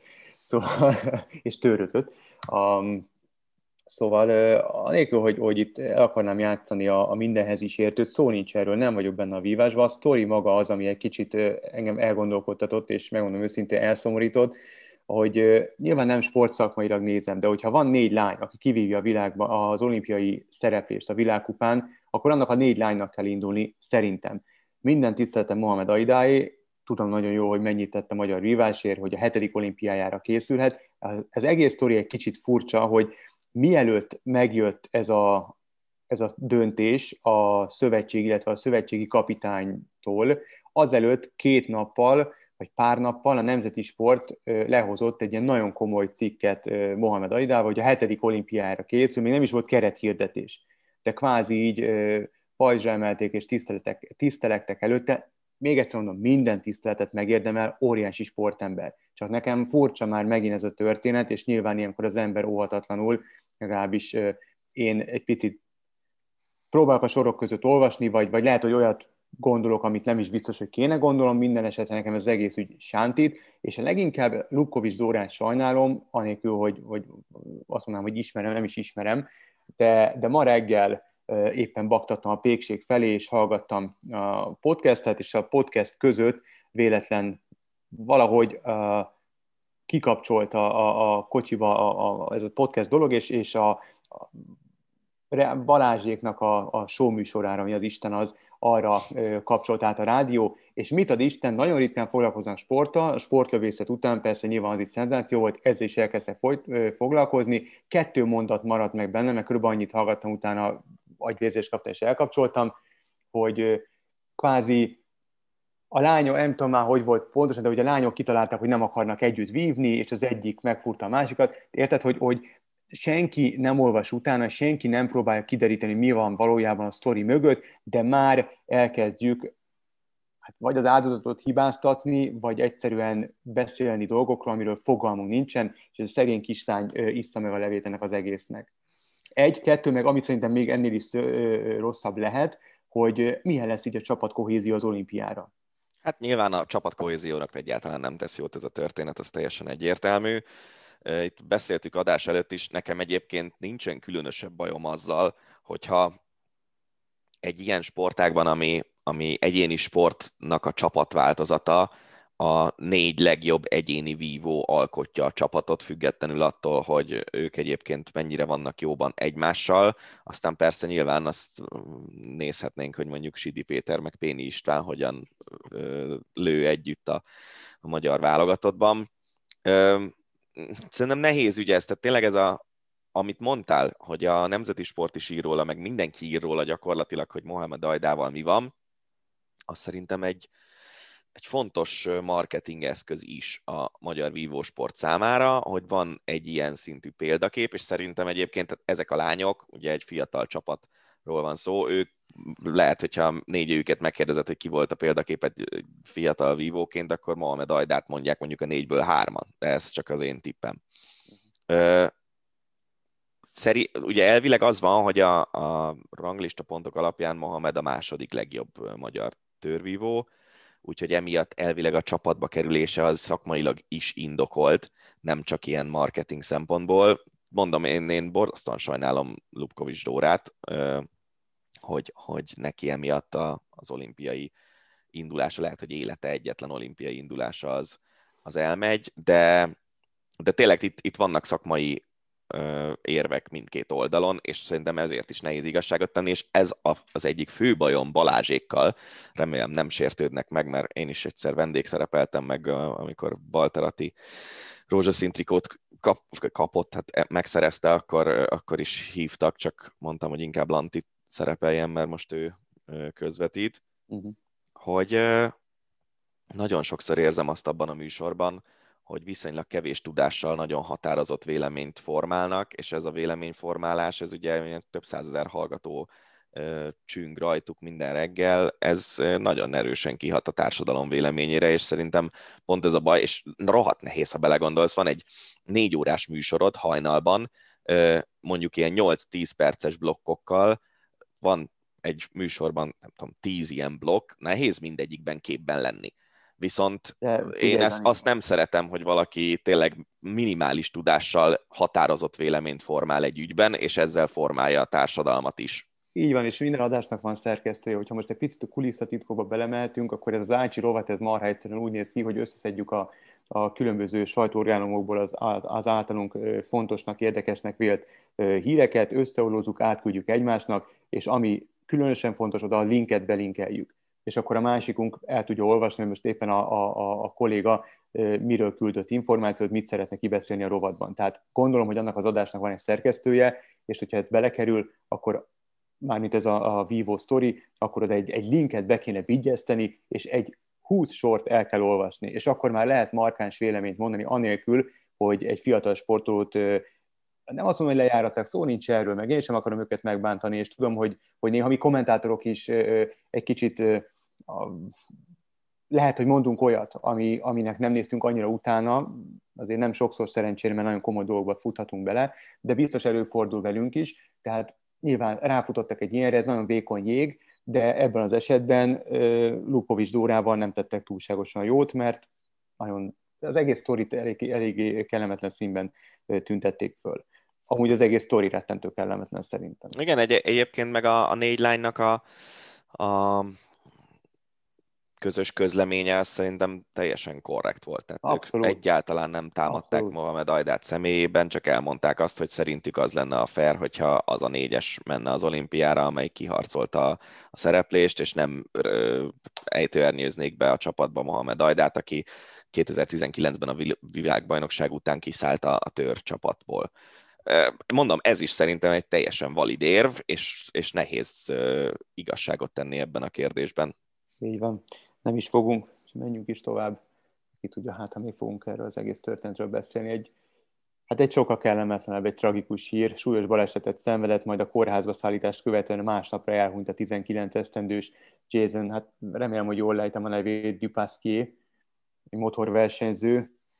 Egészen hihetetlen. Tehát az ember azt gondolná, jó, motorversenyben mindig benne van ez, és, és itt is tehát már a, a baleset, a szörnyű baleset, a halálos kimenetelű baleset, de hogy valahogy az ember azt gondolná, hogy 2021-ben talán nem, bár, bár még egyszer mondom, ez hát. mégis csak motor, nem autóverseny, tehát nem véd semmi egy bőrszerpont kívül. Ráadásul tragédia, ami a fiatal emberrel történt, és ez a körülmények. Tehát az, amikor egy versenyzőtárs is belekeveredik egy ilyen történetben, én ezt nem tudom, hogy hogy lehet feldolgozni. Egészen Igen, na, nagyon nehéz, de szerintem egyébként a motorversenyzőknek is van egy ilyen, tudod, a múltkor mondtam, hogy a sportlők vagy a precíziós sportolók bolondok, a motorversenyzőnek is kell, hogy legyen egy kattanása. Tehát egész egyszerűen ott olyan veszélynek vagy kitéve. Ugyanez egyébként a bringások is. Ha uh-huh. belegondolsz abba, hogy te a nyílt forgalomban edzel napi 4-5 hát órát, úgyhogy ott aztán tényleg nincs semmi véde, védő felszerelés rajtad a bukós isakon kívül. E, elesel, akkor a bőröd nyúzod le jó, jó esetben. Szóval én azt hiszem, hogy mindenki, aki motorozásra adja a fejét, az pontosan tisztában van vele, hogy ez benne van a pakliban, és szerintem viszonylag szerencsés az, hogy azért nem az van, hogy évente akár 5-6-an meghalnak a, a gyorsasági motorversenyzők közül, hanem azért ritka. Biztos, hogy a, a felszerelés ö, sokat fejlődött. Tehát nem tudom, én megnéztem a videót, egy ilyen elég szerencsétlen esésnek nagyon, tűnt. Nagyon, nagyon, nagyon az volt. Nagyon.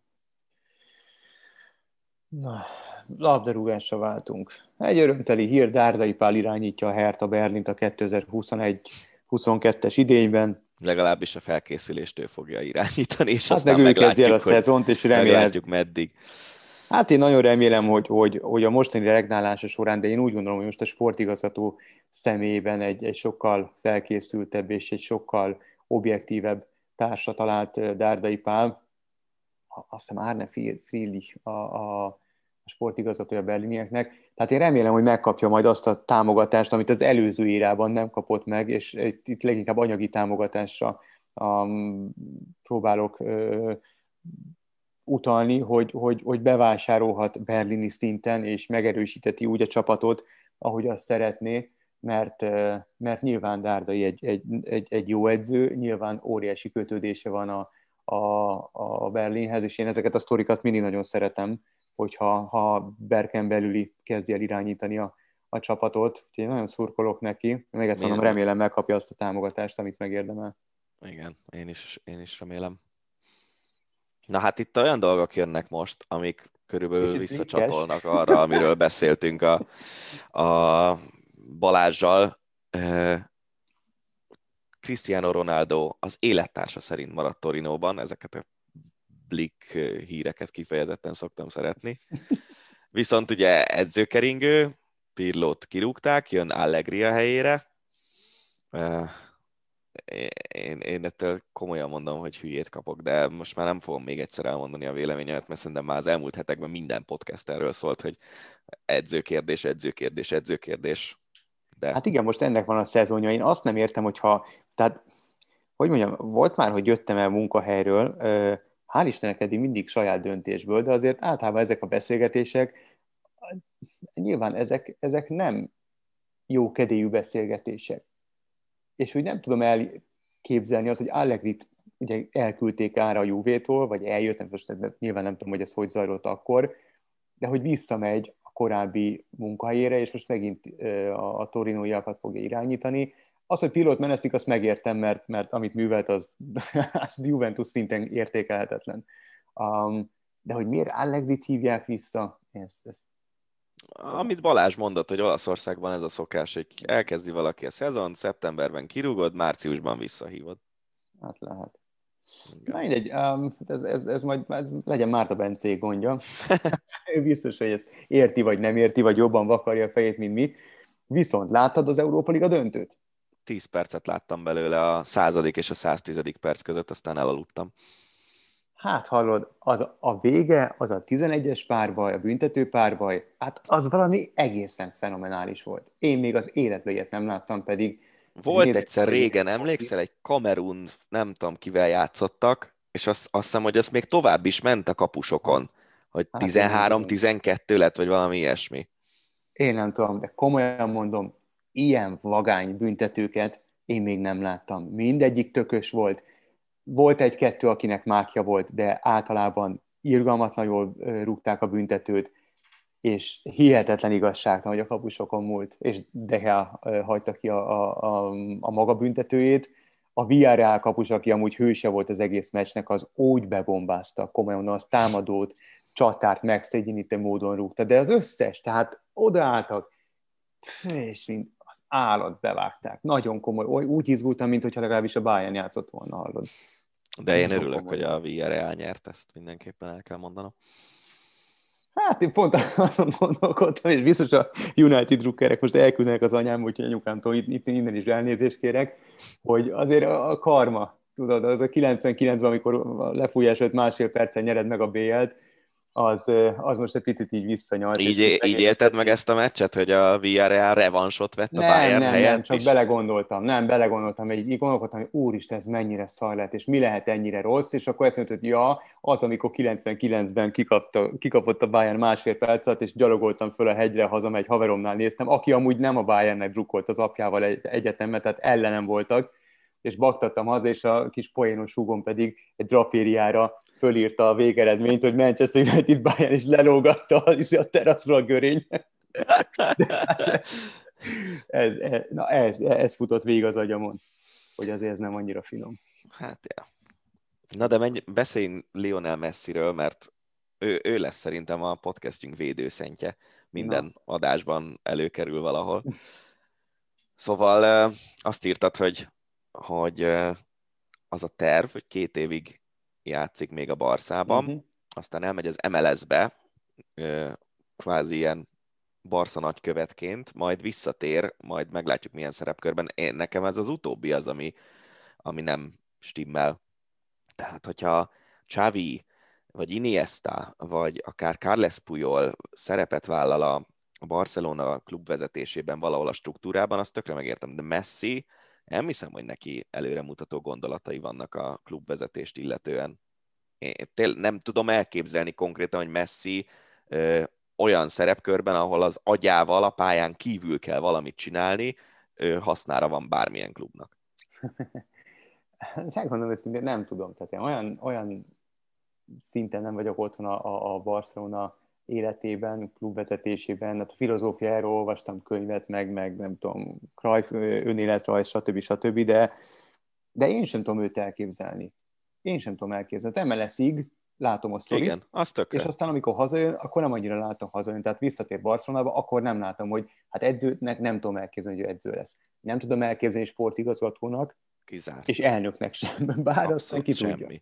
Nem, hát én, én, Nagykövetnek én egy dolgot tudok elképzelni, hogy majd, hogyha nem tudom, hogy életében kap-e szobrot, de lehet, hogy majd csak a halála után, hogy a Barca stadion mellett lesz Lionel Messi uh-huh. szobor, mint ahogy most ugye Kubala László szobra van a stadion mellett, ott elfér Messi szobor is, és jár is neki szerintem azért, amit a klubért tett, de, de hogy ezen kívül ő mit tud hozzátenni a klub életéhez, tehát hogy ő nem, e, nem ez a spanolós arc, aki akár ilyen Olaszországban jó is, hogy a Giro-ról beszélgettünk, van egy ilyen rendszer, hogy a, a Giron VIP vendégeket visznek kocsival a mezőny mögött, és a kocsit ex-versenyzők vezetik, akik néhány éve vonultak vissza. Uh-huh. És akkor ők elmesélik, hogy hogy zajlik egy szakasz, mire kell odafigyelni, mutogatják a vipeknek, hogy belülről hogy néz ki egy verseny. Szerintem ez egy marha jó dolog.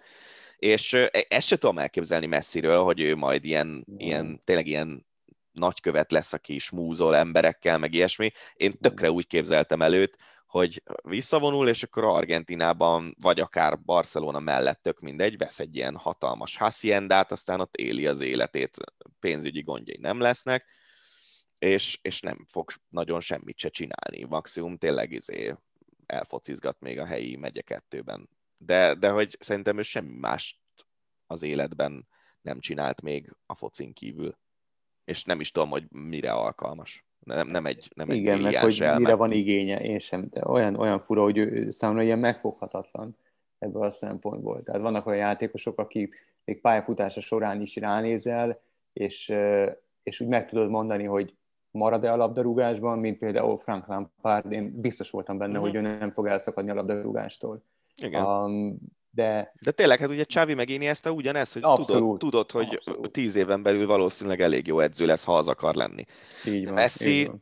én azon gondolkoztam most, hogy, hogy van-e az emlékeimben bármi olyan messziről, hogy ő a futballpályán kívül, vagy a futballpályához konkrétan kapcsolódott, tehát mit én, van ilyen emlékem, hogy a, a Barcelonában egy ilyen emeletes buszon ott van, és akkor fogja a hmm. trófeát, de hogy a focin kívül őról a bármilyen emlékem van, és szerintem nincs. Igen, nekem is a Kobe bryant forgatott reklámok, mert az milliószor ment az Eurosporton. És igen, de az is foci. A, hát de jó, igen, igen. Mármint, hogy az is ehhez kapcsolódik, hogy ő reklámarca a Pepsi-nek, mm-hmm. meg a tudom, Lace Chipsnek, Lace tök mindegy minek. Szóval, nem tudom, de mindegy, hát próbálkozzanak meglátjuk. A, fú, millió egy ilyen edzőkeringős hír van. Jürgen Klinsmann szívesen lenne a Tottenham menedzser. Nem tudom, a Tottenham drukkerek most a szívükhöz kaptak, mert azért Klinsmann edzőként olyan rettentő nagyot nem alkotott, mert Bayernnél mondhatjuk, hogy bukott. Válogatott azért az a bronz, az jó volt, de állítólag ott azért lő volt az ötletgazda. Az amerikai válogatott szurkolói szerintem tehetnék az országból elűznék, úgyhogy és akkor elment, a, nem tudom, Berlinnél volt legutóbb a Hertávát, az is egy nagyon furcsán sikerült, furta furcsa együttműködés volt. Úgyhogy hát Tatemben jól játszott, arra emlékszem. Szerettem, amikor ott játszott, meg amúgy is én játékosként nagyon szerettem Klinsmant, de nem hiszem, hogy a Tatem bajaira ő lenne a gyógyír. Szerintem se. Ami fura, Antonio, vagyis hát nem fura, erről is már beszéltünk, Antonio, Antonio Conte távozik az Inter kispadjáról, bajnoki címet nyertek vezetésével a milánóiak, de a kínai tulajak pandémiára hivatkozva drasztikus fizetés csökkentést helyezett kilátásba, hogy Conte köszönte szépen ebből nem kér, és több sztár is távozhat Milánóból. Állítólag a játékos eladásokból 100 millió euró bevételre számít a kínai tulaj.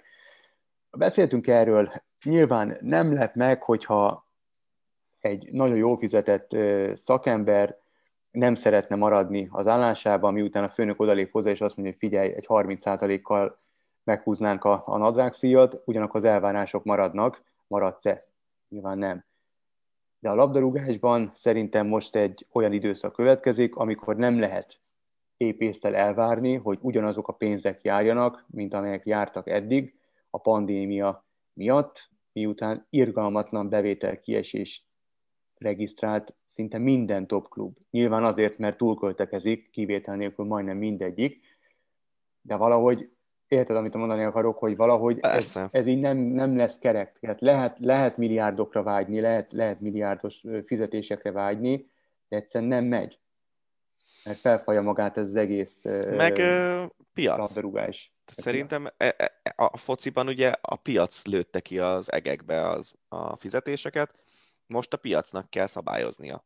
És ha nem tudja, akkor, tehát hogyha lesz valaki, mondjuk nem tudom, Conte keres 10 millió eurót egy évben, most Mhm. mondtam valamit. Ha azt mondják neki az internél, hogy keressél csak 8-at, akkor ő körülnézhet a piacon, hogy van-e valaki, aki fizet nekem 9-et vagy 10-et. Uh-huh. De ha nem, akkor, akkor maradni fog 8 ér az Interben. És szerintem ezt kellene a foci világnak valamilyen szinten uh, rendbe raknia belülről. Hogy... Most mondom neked, hogy a PSG-hez fog aláírni, ott megkapja a Lehet. 12-t. hát persze, hát egészségére. Pochettino meg Klinsmannnal leszkanderezi a Tatanem székét.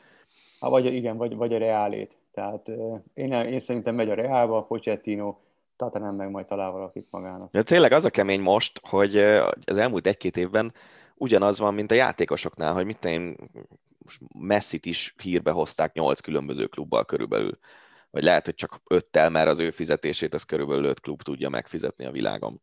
Most az edzőkkel ugyanezt csinálják. És Igen. szerintem ez szörnyű. De Abszolút. egy sokkal jobb történet. Brentford. Hát ez zseni. Egy kis csapat a Premier League-ben, kilenc playoff sikertelenség után a tizedikre sikerült följutni. Ugye Angliában úgy néz ki a, a feljutás, hogy a Championship, a másodosztály első két helyezettje automatikusan feljut a Premier League-be, viszont a harmadik és a hatodik helyezettek egy ilyen elődöntő döntős rendszerű rájátszásban játszanak. Wembleyben óriási meccsek mindig, és a, a Brentford most ezt a kis mini tornát nyerte meg, és jutott föl a Premier League-be.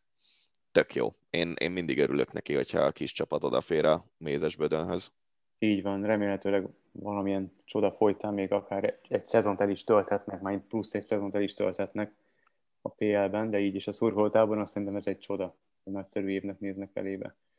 Olimpia, hát közeledik az olimpia, és olyan fura, hogy még mindig így találkozok olyan kérdésekkel, nekem szegezett kérdésekkel, amik a, úgy szólnak, hogy te szerinted megrendezik? Ja, Szerintem meg tőlem ezt szerintem három naponta már gőzerővel készülünk, mindenki tudja a maga kis sportágát, hogy miből kell készülni, és mit közvetít, és folyamatosan jönnek a hírek, hogy te szerinted lesz olimpia? Szerintem megtartják. Hát június 20-ig meghosszabbították a vészhelyzetet Tokióban, a hírek szerint a főváros egyes részein csökken az esetek száma, de még nyilván még mindig nem rózsás a helyzet. És ugye a sportolóknak alá kell írniuk egyfajta, hát egy szerződés végül is mondhatjuk így, nem? A, van egy ilyen pont, amit most idézem, elfogadom, hogy a játékokon a saját felelősségemre veszek részt, ideértve a játékokon való részvételemre gyakorolt bármilyen hatást, súlyos testi sérülést, vagy akár halált is, ami az egészségügyi kockázatok lehetséges kitettsége von maga után, mint például a COVID-19 és más fertőző betegségek, vagy extrém hőviszonyok. Azért ez mennyire finom. Van egy ilyen World Player Association szervezet, és hát ez felszólította a Nobot, hogy azonnal vegyék ki ebből a szerződésből ezt a pontot. Szép történet lenne, nem, hogyha nem, ne adj Isten, valaki belehal a Covid-ba az olimpia miatt, és akkor a családja utána a Nobot perelni. Ja. Szerintem áh, fu, nagyon fura olimpia lesz, az biztos, de, de nehogy már ne tudják megoldani. Hát én nekem az a véleményem erről, hogy amennyi pénz benne van ebben a dologban, a, abból muszáj, hogy megoldják. És, és minél közelebb érünk, annál kevesebb esély van rá szerintem, hogy elmarad. Bár egyébként erről nem is beszéltünk, néhány héttel ezelőtt történt meg az, hogy konkrétan a, a magyar női jégkorong válogatott játékosai pakolták össze a bőröngyeiket, hogy másnap reggel utazunk Kanadába a világbajnokságra, amikor jött a hír, hogy a új skóciai, vagy nem tudom melyik tartománynak a egészségügyi hatósága lényegében leállítatta a VB-t, és, és eltették augusztusra, azt hiszem. Hát elnézd meg Copa Amerikával, mi történik. Hát most ugyanez. Nem, nem Argentina, hallottam erről semmit. Kolumbia, most Argentina, és Argentina is azt mondta, hogy nem. Hmm. Úgyhogy most egyelőre vagy elmarad, vagy... Jó, vagy... de most nem megbántva az dél-amerikai foci, de azért a Copa Amerika meg az olimpia az nem egy szint. Ja, persze, persze. Nyilván. Ugyanez nyilván a női jégkorong VB-re is nem igaz. el, de, de a legfontosabb az, hogy, hogy mindenki legyen biztos, tehát mindent tegyenek meg ebből a töménytelen mennyiségű pénzből, amit általában, ami marad, úgyis ellopják, hogy, hogy mindenki biztonságban lehessen, és, és egy, ha egy mód van rá, akkor tényleg a valahol legbiztonságosabb olimpiát szervezzék le. Igen, meg tényleg oldják meg a buborékokat, tehát hogy ez, ez működik egy úszó ebén, működik egy NBA-ben, működik egy csomó helyen, még a kerékpárosoknál is működik valamilyen uh-huh. szinten. Uh, próbálják meg megoldani.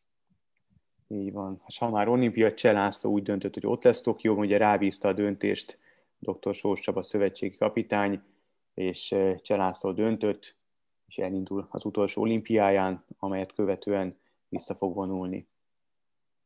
Remélem, hogy olyan eredményt ér el, amit szeretne. Szerintem egy Igen. ilyen jó, jó szereplője az elmúlt 15 év magyar sportjának, milyen mindig visszafogott volt, nem voltak balhék, nem voltak Igen. kiszólások. Tudod, mi tetszett nagyon, amikor Burján Katáról beszéltünk, és ott, ott is elmondta azt, hogy amikor vele szemben döntött az elnökség, akkor Csalaci volt az egyetlen, aki föltette a kezét, hogy ez így nem uh-huh. korrekt. Szerintem ő egy, egy normális, korrekt csávó. Remélem tényleg, hogy úgy búcsúzik el, ahogy ő szeretne. Így van, ez a legfontosabb. Így van. Akkor még egy ilyen feel good story. Az 51 éves Phil Mickelson nyerte az év második összességében negyedik major tornáját a férfi golfozóknál, a PGA Championship-et. Mickelson történelmet írt, ő lett a legidősebb golfozó, aki major bajnokságot nyert, major tornát. A magyar származású Julius Boros rekordját adta át a múltnak. Gratulálunk Leftinek. Így van. Én ugye követtem az eredményeket valamennyire, és láttam, hogy nagyon jól áll, de azért ezzel együtt eléggé meglepett, hogy, hogy ebben a korban lehet még major nyerni. Hozzátéve, hogy talán ez a PGA Championship a legkevésbé fontos a négy major torna közül.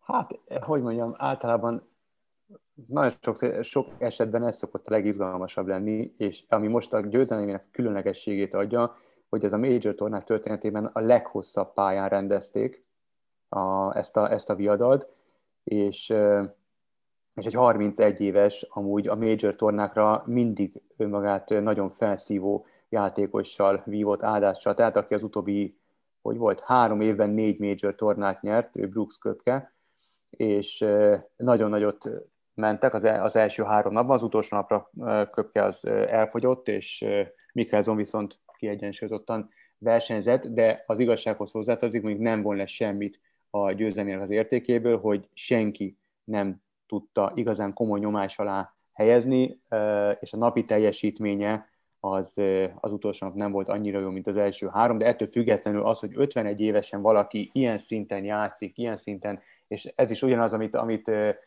amit te is, meg, a, meg Gergő is nyomott, és mondott, hogy, hogy nem ráesett a Trikó Attilára, Mikkelson is á, túl drive volt, a túlütötte a fiatal korosztályt, elképesztő jól játszott. Úgyhogy le a kalap előtte.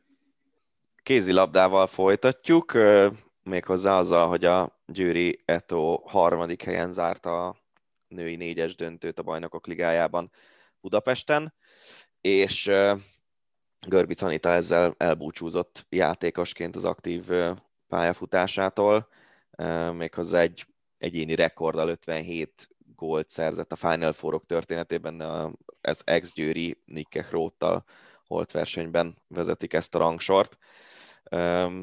Hát gondolom, hogy te nem ültél le megnézni ezeket a meccseket a hétvégén. Nem, valóban nem. Az első nagyon, nagyon érdekes volt, és gondolkoztam is rajta, hogy most ezt itt adásban is mondjam el. Görbic Anita igazán akkor lett ismert, amikor a 2003-as világbajnokságon fantasztikusan játszott 20 évesen, lehet, hogy még csak 19, nem 20-20, igen, mert decemberben volt a VB, 20 éves volt, marha jól játszott, iszonyatosan kreatív volt, dinamikus volt, tehát a, kicsit ő megelőzte a korát. Azt nem olyan régen meséltem, hogy a, az aténi férfi döntőben még milyen szinten más sportot játszottak igen, kézilabda igen. néven, mint ami ma megy. Görbic Anita megelőzte valamilyen szinten a korát a, a női kézilabdában, és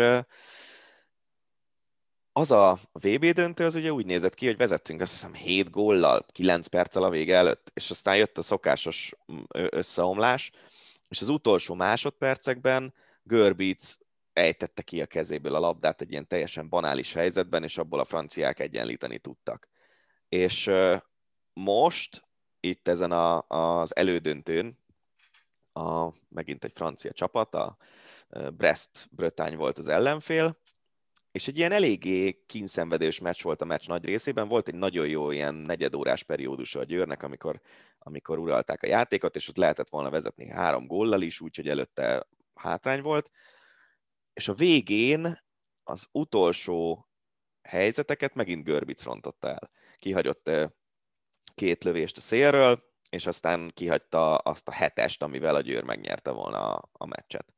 És hogy egy ennyire kiemelkedő játékosnak a pályafutása így érjen körbe, hogy az első ilyen igazán nagy trófea, amit megnyerhetett volna, a, ott is az ő hibája jött az utolsó pillanatokban, és itt az utolsónál is az ő hibája döntött, nyilván nem csak, mert hogy ez egy csapatjáték, és persze, hogyha a 15. percben belövi Fodorcsenge a másik balszélső a saját helyzetét, vagy a jobb szélsők belövik a helyzeteiket, akkor a Győr nyerte volna az elődöntőt, de, de hogy a kulcs pillanatban mégiscsak ő volt az, aki rontott. Ez egészen érdekes számomra, és, és nagyon, nagyon sajnálom, mert, mert egyébként tényleg egy, egy olyan szinten kiemelkedő játékos volt, akinek a játékát mindig élmény volt nézni. Még akkor is, amikor mondjuk tudtad azt, hogy ebből a helyzetből ő 10-ből 9-szer a hosszú fölsőt lövi, de nem tudták védeni a kapusok, mert olyan lövése volt, hát mögötti passzok, hihetetlenül látott a pályán. Ő is, ő azért szerintem kettő szinten Lionel Messi fölött van a pályán kívüli intelligenciában, de a pályán lévő intelligenciája az viszont ilyen brilliáns és, és egészen kiemelkedő volt most már csak. Úgyhogy tényleg ez, ez szomorú, hogy, hogy pont megint egy ilyen helyzetbe került, és ráadásul ugye a szurkolók nem úgy gondolkodnak, hogy itt van egy legenda, aki, aki nyilván az é- a pályafutása utolsó éveiben már nem játszott úgy, mint ahogy játszott tíz évvel ezelőtt. De, de itt egy legenda, aki, aki egy élményt adott nekünk 10-15 éven keresztül, és, és ők meg lefikázzák a, a sárga föld alá, hogy már megint Görbic vissza kellett volna vonulni a szülés után, meg ilyen kommenteket olvastam. Szóval azért meg kellene tudni tisztelni szerintem azt, amit, amit valaki letett az asztalra, akkor is, hogyha ki kell mondani, hogy igen, hibázott kulcsfontosságú helyzetben, és, és ez a hiba, ez, ez vezetett ahhoz, hogy, hogy nem jutott be a döntőbe a győr. Há, jó, de hát ez meg sport, a sport, meg most Persze. akármennyire közszeresnek hangzik, a hiba benne van. Um, nagyon érdekelne a véleményed, remélem megosztod. Um, szerinted vissza kellett volna már vonulnia? Túlhúzta? vagy, vagy most volt itt az ideje? Nem tudom, hogy most, mi, most az miben más, mint két éve. Nem a hibák, és most nem a hibák miatt kérdezem. Nem, nem, értem. Tíz éve már azért ne, nem úgy játszott, mint tíz éve ezelőtt, nyilván nem, de hogy nem tudom mennyi idős Görbic Anita. 83 májusi, úgyhogy 38. Hát, 38. Um, hogy, hogy, hát, hogy túlhúzta de azért 38 évesen szerinted még, még, még, még já, tehát nem túlzás-e, hogy ennyi ideig játszott? Figyelj, ez, egy, ez azért nehéz kérdés, mert bármilyen sportolónál, hogyha azt mondod, hogy ő egy olyan szinten tud teljesíteni x évesen, tök mindegy, hogy most miről beszélünk, hogy a csapatának inkább pozitívum, mint negatívum. Szerintem ez az a határvonal és mondjuk, ha megnézed Tom Brady-t, egyértelmű, hogy a csapatának Persze. pozitívum volt ebben a Persze. szezonban, miközben az előző szezonban neki is szar éve volt. Aha. Most nem tudom, hogy ugye e, kezdődött azzal a dolog, hogy, hogy amikor Krót meg Oftedál érkezett a győrbe, akkor Görbic kiszorult a szélre, ahol azért már egyrészt sokkal nehezebb nagyot alkotni, másrészt pedig nem is az az ő posztja. Tehát ő, ő egy ilyen természetes irányító volt a pályán, mert egyrészt nagyon jó lövései is voltak messziről is akár, másrészt pedig mindig meglátta azokat a helyzeteket, amikbe be lehetett passzolni a labdát. És ha kiszorulsz irányítóként a balszélre, akkor nyilván a teljesítményed az, tehát még lehetsz egy nagyon jó balszélső, és Görbic szerintem a, a, amikor kiszorult utána még egy pár évig jó is volt mm. nagyon. De ez egy olyan helyzet volt, hogy a Győrnek nem volt igazán klasszis balszélsője, a um, Fodor Csenge egy nagyon fiatal játékos, ő ugye a junior világbajnok generációnak a tagja, uh, Puhalák, aki játszott még Fodor csapatba kerülése előtt, őt én nem gondolom azt, hogy ő egy, egy igazán klasszis játékos lenne, és egész egyszerűen Görbic befért ebbe a csapatba gond nélkül szerintem. Nem láttam a Győrnek olyan nagyon-nagyon sok meccsét ebben a szezonban, ezt hozzá kell tennem, de, de Görbicnek ebbe a, ebbe a keretbe szerintem volt még helye. Tehát innentől kezdve meg, meg hadd döntse már elő, hogy mikor vonul vissza. Persze, szerintem, persze. szerintem. Az más kérdés, hogy most ugye jön Sacöl Nadin a, a Győrbe, aki amikor csúcsformában van, akkor szerintem a három legjobb alszélső egyike, és, és most meg Fodor is kinőtte magát annyira, hogy, hogy ha nem is mondható még klasszisnak, de vannak elég komoly jelei annak, hogy az lesz. Úgyhogy innentől kezdve már ebbe a győrbe nem fér be szerintem. Ennyi volt erre a hétre. Az Ácsi, illetve maga a hosszabbítás is. Az Ácsival kapcsolatban, hogyha esetleg ti is olvastok, találtok olyan hírt, amelyről élem, érdekelne a Dani vagy az én véleményem, akkor írjátok meg nekünk, küldjetek el a hírt, és akkor természetesen kivesézzük. Azt is írjátok meg, hogy kinek a véleménye érdekel a hírről. így, van, így van, így van. Máskülönben megkapjátok mind a kettőt. Uh, úgyhogy ennyi volt erre a hétre, jövő héten megint jelentkezünk természetesen, és igyekszünk érdekes témával szolgálni arra az adásra is. Mostanra köszönjük a figyelmeteket. Sziasztok! Ez volt a Hosszabbítás, az Eurosport podcastje. A műsor témáiról bővebben is olvashattok honlapunkon az eurosport.hu.